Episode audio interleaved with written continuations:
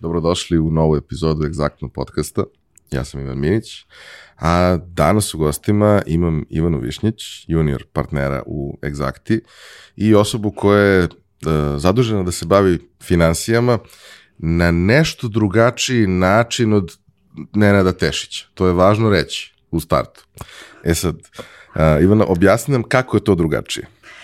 Ovaj, pa, e, da, interesantno je da u jednoj ne tako pretrano velikoj grupi imamo dva partnera koji se bave ovaj, financijama, ali to radimo u drugačijim segmentima.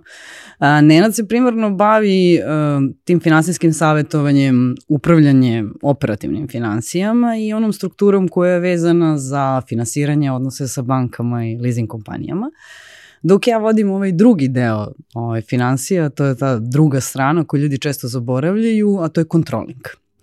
Uh, ono što je meni super je što bez obzira što je egzaktno jednom truku bila mnogo mala firma, mi smo od prvog trenutka mnogo obratili pažnju na controlling, na upravljanje, na budžetiranje, znači cela grupa uh, završi budžete ovaj, do kraja decembra, pratimo planove u toku godine i to je nešto što je jako bitno, ne zato da se jurimo sami sa sobom, već da imamo osjećaj o tome gde mi želimo da budemo i još što je bitnije šta nam je potrebno da tamo stignemo.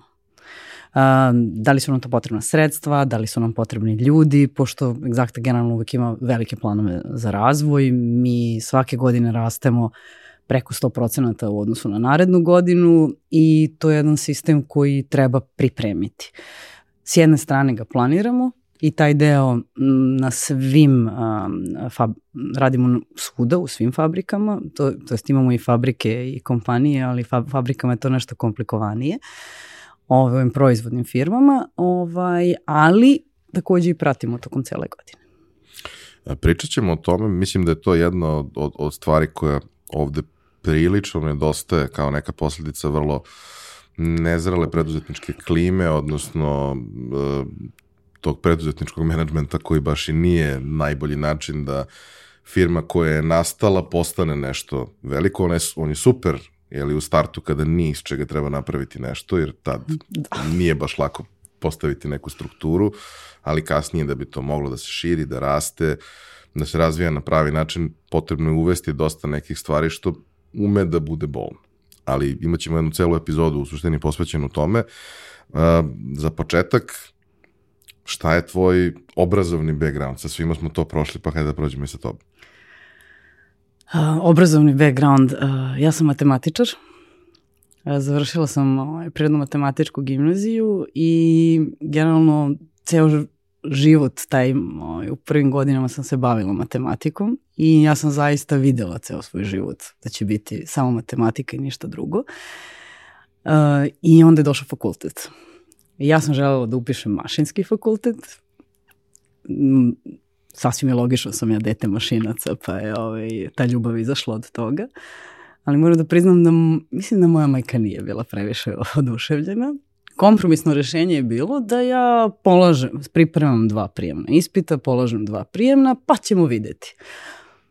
Ono što se desilo da je prijemni za tehničke fakultete i drugi dan ekonomskog bio u istom danu, pa mama rekla, pa znaš, pa gužva je na ekonomiji, bolje da polažeš prvu ekonomiju, pa možeš mašinski u drugom roku.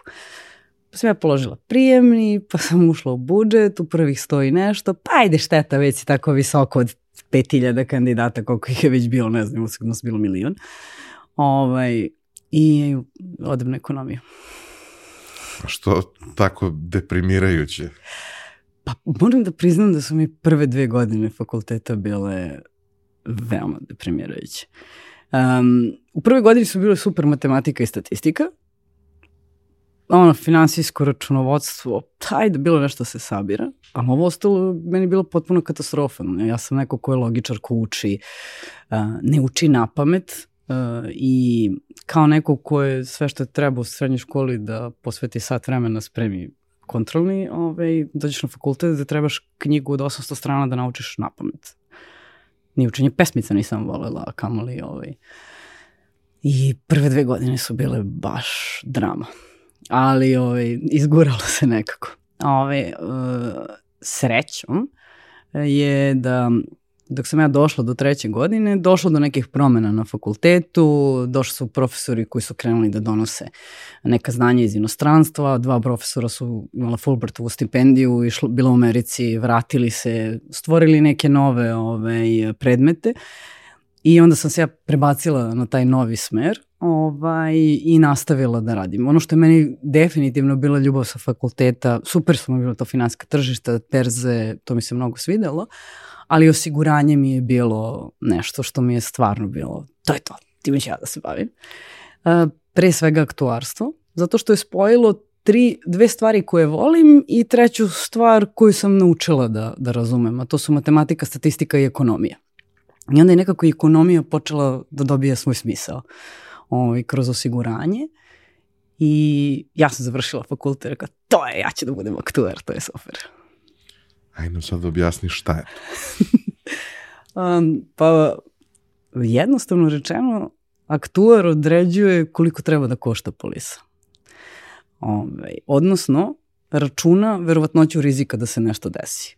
Um, ako pođemo istoriju osiguranja i kako je, kako je nastalo, znači um, imamo trgovce, njih deset uh, spuštaju brodovima robu da prodaju i uglavnom jedan brod potone ono što se oni dogovore da na tih 10 brodova stave svaki od njih desetinu svoje robe, tako da kad jedan brod potone, svaki od njih će doći do pijace sa 90% svoje robe. To je preteča osiguranja.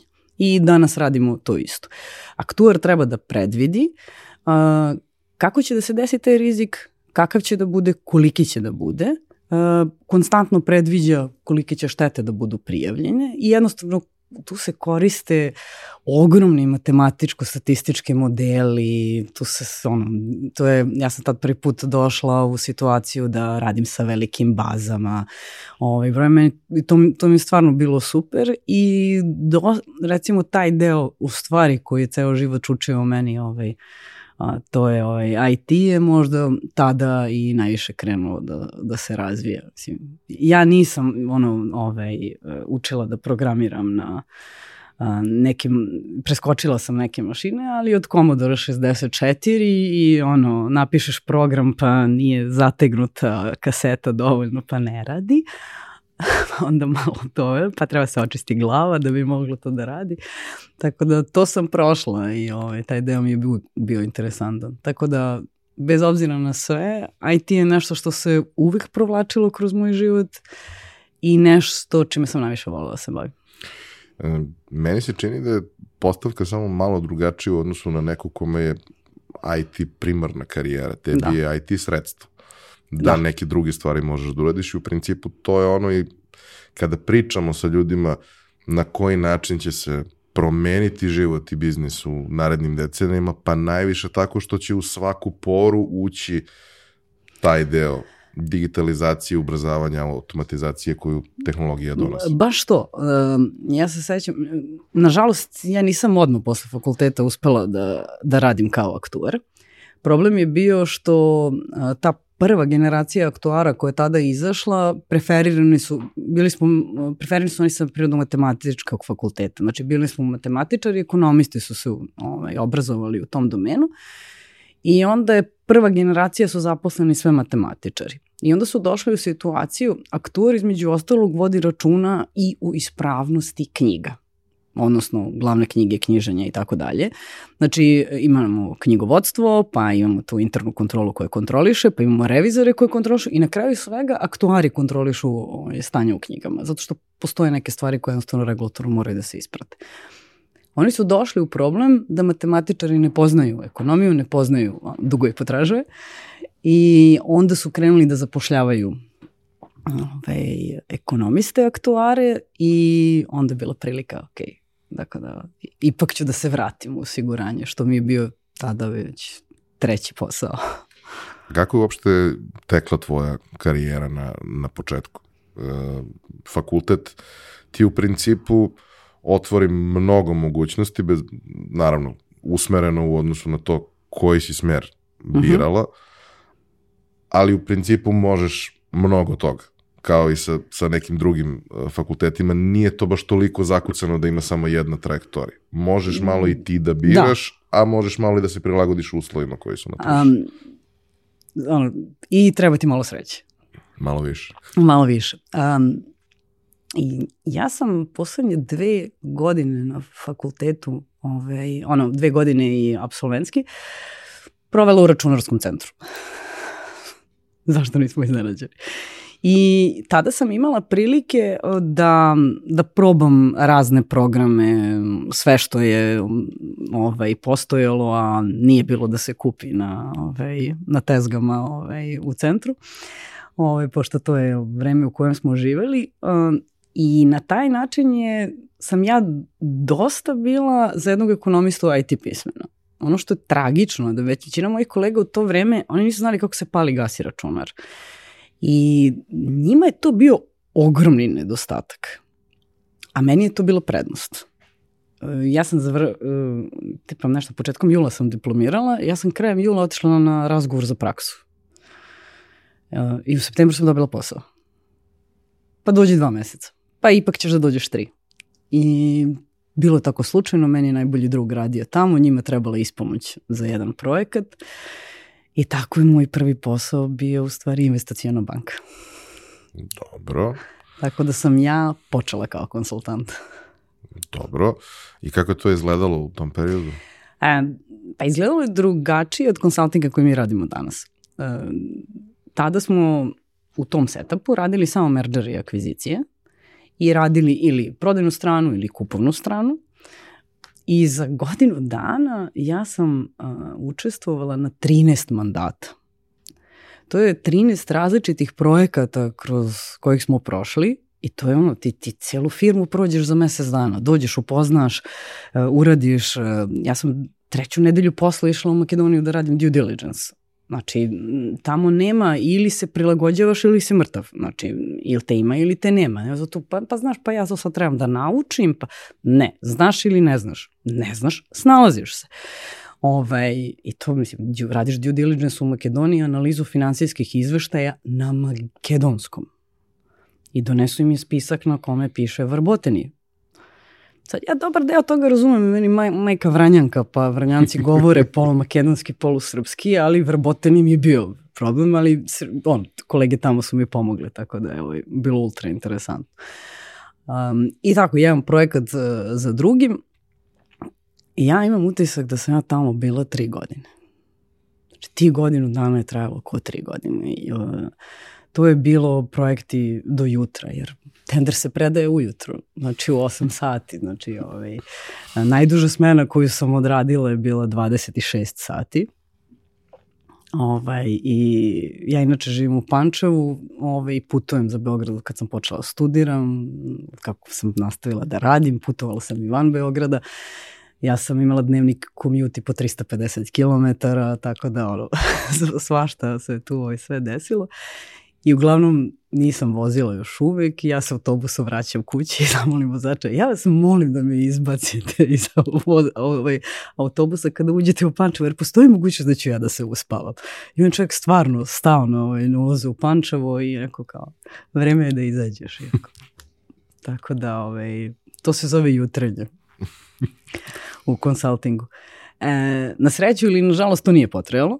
Ovaj, um, ta firma je bila deo druge grupacije koja je prodata trećoj grupi i onda je to bilo e, treći merger tipa u roku dve godine. I pošto se nisu ljudski sredili od prethodna dva mergera, oni su rešili prvo da vide šta je gde, došli su do nekog friza, smanjivanje zaposlenih da iskoriste svoje. I tako sam ove, hantovana da pređem u industriju. Pa da probamo i to dobro, posle tog bootcampa od godinu dana, kako je bilo kad e, imaš, e, nazovimo to tako, normalan posao? Strašno. um, ono što je bilo, ono, ono što mi je najšokantnije bilo od svega je, znači, kada radiš kao konsultant, ti dosta stvari radiš, e, kako kažu, high level. Ne, ne, nemaš vremena da se fokusiraš na neke sitne elemente i slično. Onda odeš u privredu gde ništa nije dovoljno sitno. i trebaš da se baviš analizom svake pojedinačne cifre u financijama. Trebaš da naučiš da analiziraš analitičke kartice. Znaš šta ja dovoljno kažem? Kakve analitičke kartice? Ko se tim detaljima bavi? Čemu to služi? Ali, verovatno to služi nečemu. I kreneš, učeš. I ne, i, i tada, kao i tih prethodnih godinu dana, ja sam jednostavno shvatila, nema kraja učenju. Znači, svaki dan će ti donese nešto novo, ili ćeš da sedneš da naučiš što da radiš, ili ćeš nekako formalno da se obrazuješ, da sebi pomogneš, ali jedini način da savladaš sve to je da učiš. Ja sam imala sreću tada da je za neke neki taj širi pogled na svet, meni mentor bio generalni direktor. Znači, ja sam tog čoveka srela na hodniku, jednom on je mene nešto pitao, ja sam mu objasnila kako se to radi on rekao, hm, sviđa mi se. I onda smo krenuli da pričamo dalje od toga. I ja sam stvarno od njega mnogo naučila. Sa druge strane sam imala koleginicu koja je poreklom iz računovodstva, radila u planu i analizi I ja sam rekla, možeš ti meni da pomogneš ovdje? Za početak, kako ja tebi da pomognem? Tako da, inače ona je ovaj, bila u, u gradu gde je fabrika, ja sam bila u Beogradu, tako smo nas telefonom čule stalno i baš smo dosta sarađivale i meni je trebalo mesec dana da pohvatam ovaj, otprilike sve to što se radi i, ovaj, i onda je usledio prvi izazov. Došla je direktorka operacije i rekla, Ne možemo mi da imamo profitabilnost po svakom pojedinačnom proizvodu svaki mesec. Pa mogli bismo da imamo. Mhm. Dobro, koliko ti vremena treba to da uradiš? Pa reko, reći ću vam sutra. Ja pogledam šta imamo od podataka ono i kažem mi, imamo šta možemo, šta će da bude okvirno, šta ćemo da uradimo po ključevima, to neće da bude zakucano, morate da imate to. Ne, ne, ne, to je meni super. Kad može bude gotovo? Pa za mesec dana. 15 minuta kasnije žena šalje mail cijelom upravnom odboru da ćemo imati profitabilnost po SKU za mesec dana. I sad ja ne razumijem šta se dešava. Zove me generalni da mi objasni. Kaže, ti to sigurno možeš da uradiš. Ma može, ja sam našla, ti podaci stoje, to je ovde, ovo treba ovako da se uradi, ovo ovako. Rekao, ne razumijem u čemu je problem. Pa ona to traži već neko vreme, ali nije moglo da se sračuna. I nije sad tu sad da neko izmislio vruću vodu. Poenta je samo što sam ja znala, naučila mnogo dobro da radim s Excelom. Moji Exceli nisu tabelice, oni su baze, oni su programi i ja i dan danas razmišljam kad god pravim Excel, kad učim danas konsultante kako da rade o tome, ne, nema tu mrtvih stvari. Razmišljajte o tome da će tu nešto se doda, da se promeni. I uvek uh, razmišljam kao da je u pozadini SQL baza. I ništa ne pustim nekog drugog da sabira, jer uvek se dese, dese greške, nego od početka, od sirovih podataka uvek formiram sve ponovo. Nema ništa lepše nego kad ti neko pošalje tabelu sa nekim ciframa i podacima u Wordu i ti onda kažeš dobro šta ja da radim tačno sa ovim, ali Ali da, e, jeste dosta Izvini, veliki problem. Izvini, sad kad si rekao Word, uh, jedno od najboljih ove, iskustava koje sam imala ove, je, radili smo due diligence za jednu veliku propalu firmu ove, u Srbiji. I u timu za due diligence je bilo devet timova. Revizori, konsultanti, građevinski, arhitekte, advokati, znači strašno. I ovaj, moj zadatak je bio da bilanse za tri godine, u roku od pet dana, pretvorim u kratke izveštajne forme. Dođem ja, tražim bilanse i ljudi donesu pa ne znam, stotinak registratora me upute od štampanih uh, logova iz glavne knjige. Mislim, to ne može se pročita za pet dana. I tada o, ovaj, jedan od kolega koji u reviziji bio, znači, završio Vojnu akademiju. Kaže on meni, kako tebi s Excelom? Puriko, okej. Okay. Ništa, kaže, dođi sad ti, ja sam nešto smislio. Sad će oni nama da donesu u tekst fajlovima sve ovo. Ja rekao, pa super, znači tekst fajlovi. Sve je to CSV. Šta je CSV? Pa kaže, znaš, imaš uvek zarez tamo gde je kolona. Dobro. Um, tada je, to mi je jedna od najboljih škola, znači ono, ono je vredelo godinu dana, a ne jedan dan. On je mene naučio, i, sorry, mi smo zajedno, pošto njemu su trebali isti podaci, mi smo za dva dana sredili svih tih sto registratora, pretvorili ih u čitljive baze, stavili ih u Excel, on čak SQL-ove posle ovaj, pravio od toga, tako da ovaj, ja sam tad bilo, ova Vojna akademija je super, šta oni svašta tamo uče. tako da, ovaj, ali, ali mi najbolje bilo, šta ćeš ti u reviziji? ali dobro, mislim, nisu samo škole za učenje. Ljudi sa kojima radiš, koje sretneš, uvek trebaš da iskoristiš priliku da naučiš nešto od njih to je, najviše stvari sam naučila od drugih ljudi direktno u kontaktu sa njima. I najvrednije stvari koje dan danas koristim. Verovatno to ima malo veze sa tim što kad te neko pita da li nešto može, ti kažeš da može, a, a ne bude ti default odgovor da ne može. Pa zavisi, obijeti se u glavu. Kako je teko taj uh, projekat ovaj, sa, sa profitabilnošću po, po svakom proizvodu? Pa, generalno bilo je okej. Okay. Meni je to bilo ovaj, prvi put da to uradim. Ono što je meni bilo, ne samo činjenica da smo to uspeli da uradimo, već ono što je usledilo, a to je šta radimo sa tim podacima. Da, da, zato te i pitam. Ovaj, to je, uh, to je bilo, tu, tu, su, tu, se, tu je svašta izašlo, neke stvari su bile onako neprijatne, neke su bile neočekivane, Ove, I onda je bilo, dobro, ajde, sad ćemo sve da ukinemo, čak i polako, ko ne možemo tek tako, znači. I jedna od stvari koju tad nisam znala, moram da priznam, kasnije sam na MBA-u ovaj, to naučila. Znači, ja neko koji je završio ekonomski fakultet, e, bila direktor financije u tom trenutku, odem na MBA, na predmet Financial and Managerial Accounting i čovjek mi otvori oči, ono kao, relative cost Rekao, kakvi, šta je sad relativno, ono, Einsteinova teorija, znači bila sam ono, i onda jednostavno shvatiš način da kako posmatraš stvari pre svega kada odlučiš da trebaš da ubiješ neki proizvod. Znači, e, ne možemo uvek da svako treba da doprinese profit. To je potpuna greška koju ljudi rade. Svaki proizvod treba da doprinese u nekom segmentu, ali to ne znači da na kraju ako je pojedinačni proizvod neprofitabilan, da on treba da se izbaci.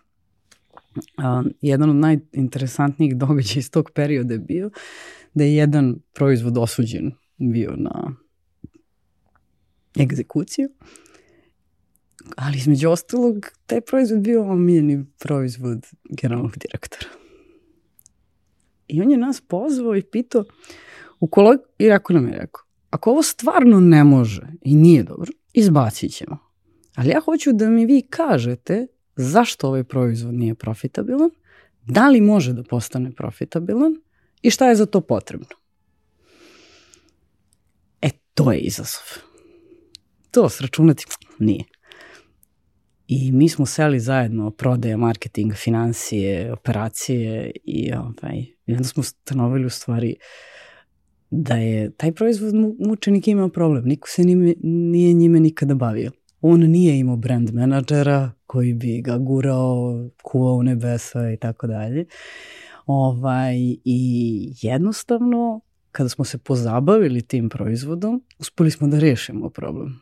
I danas, skoro 20 godina kasnije, taj proizvod se dalje prodaje.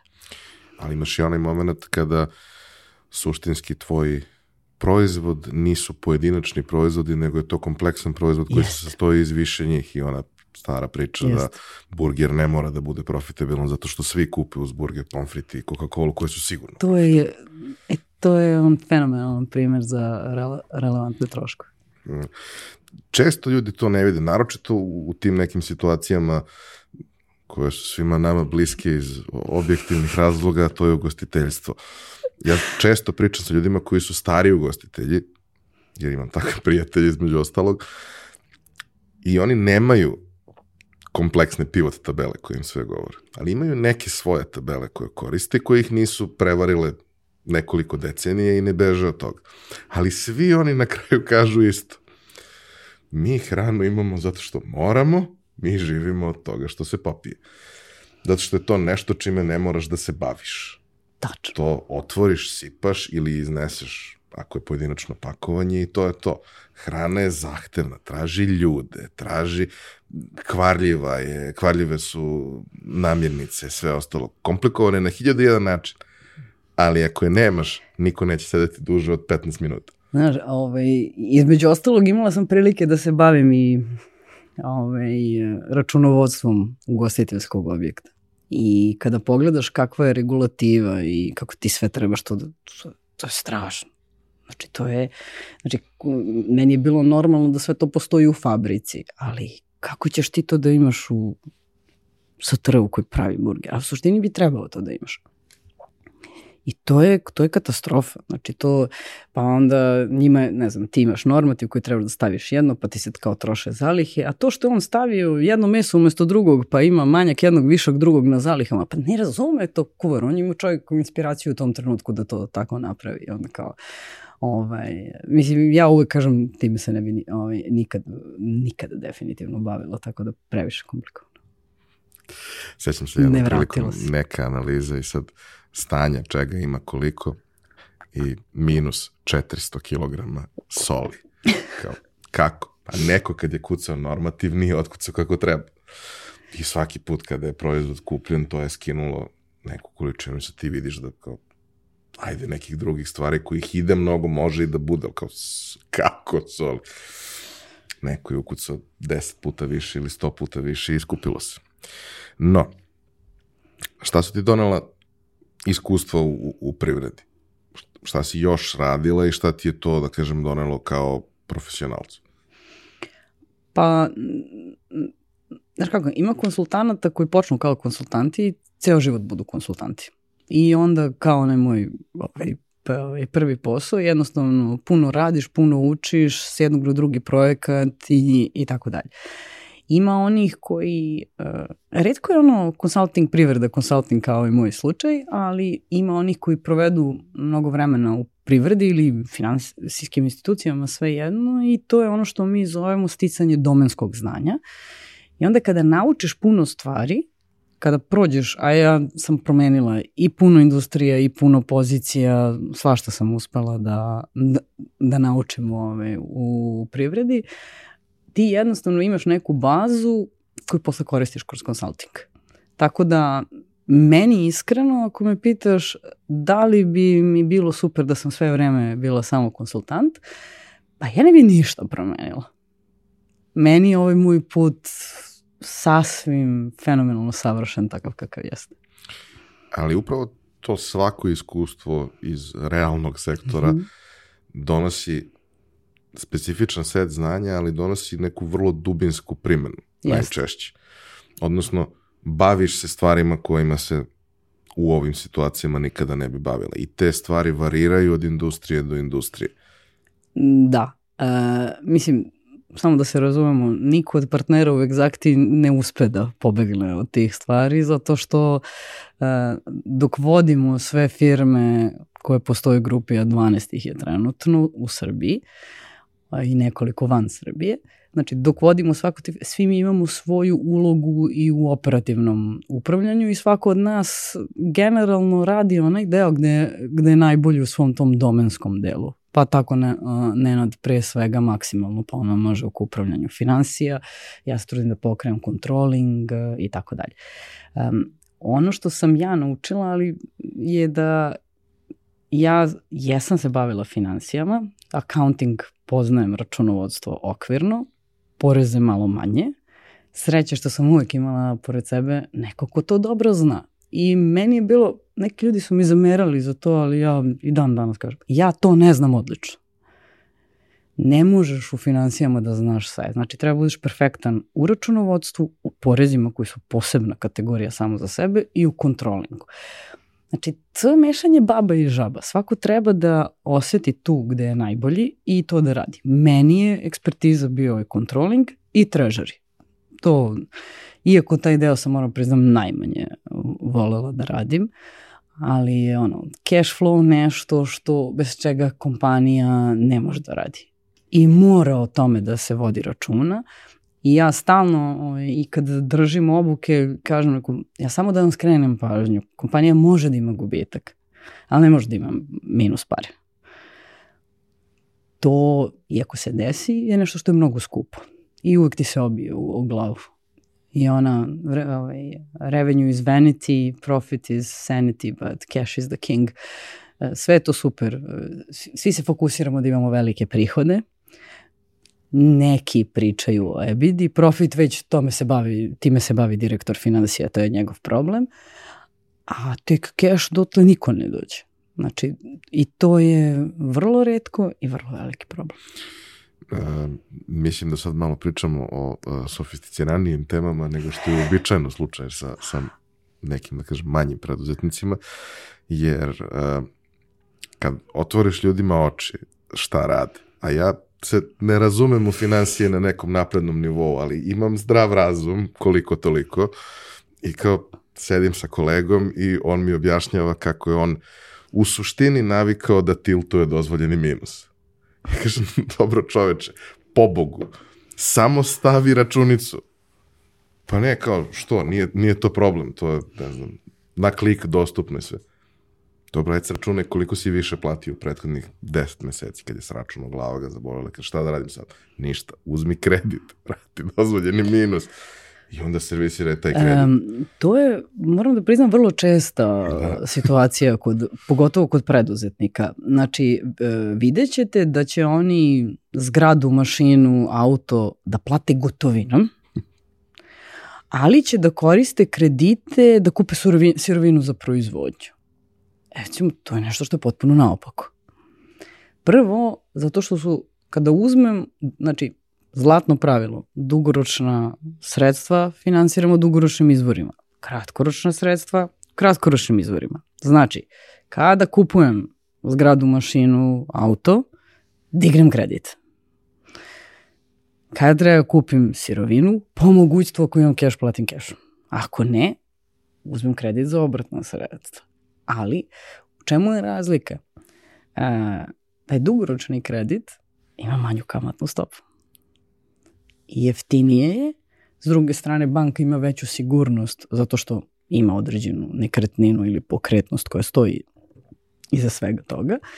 I treće, svoje pare trebate da koristite za razvijanje biznisa a ne za upucavanje u biznis, što su fiksna sredstva. Tako da auto, leasing je najlakše, zgrada, mašina, dugoročni kredit ovaj, i ako već ima keša, nek se troši za sirovinu i na dnevni obrt. Ili čekajte priliku. Kad se pojavi Ili čekajte prilika, priliku. Znači, ali to je, to je jedan zdrav ekvilibrijum za keš. I o tome ćemo pričati najviše u narednoj epizodi. Hvala ti, hvala vama što ste, što ste nas slušali, nadam se da vam je bilo interesantno, a sledeće nedelje Nastavljamo da pričamo o financijama, ali sada malo više hands-on.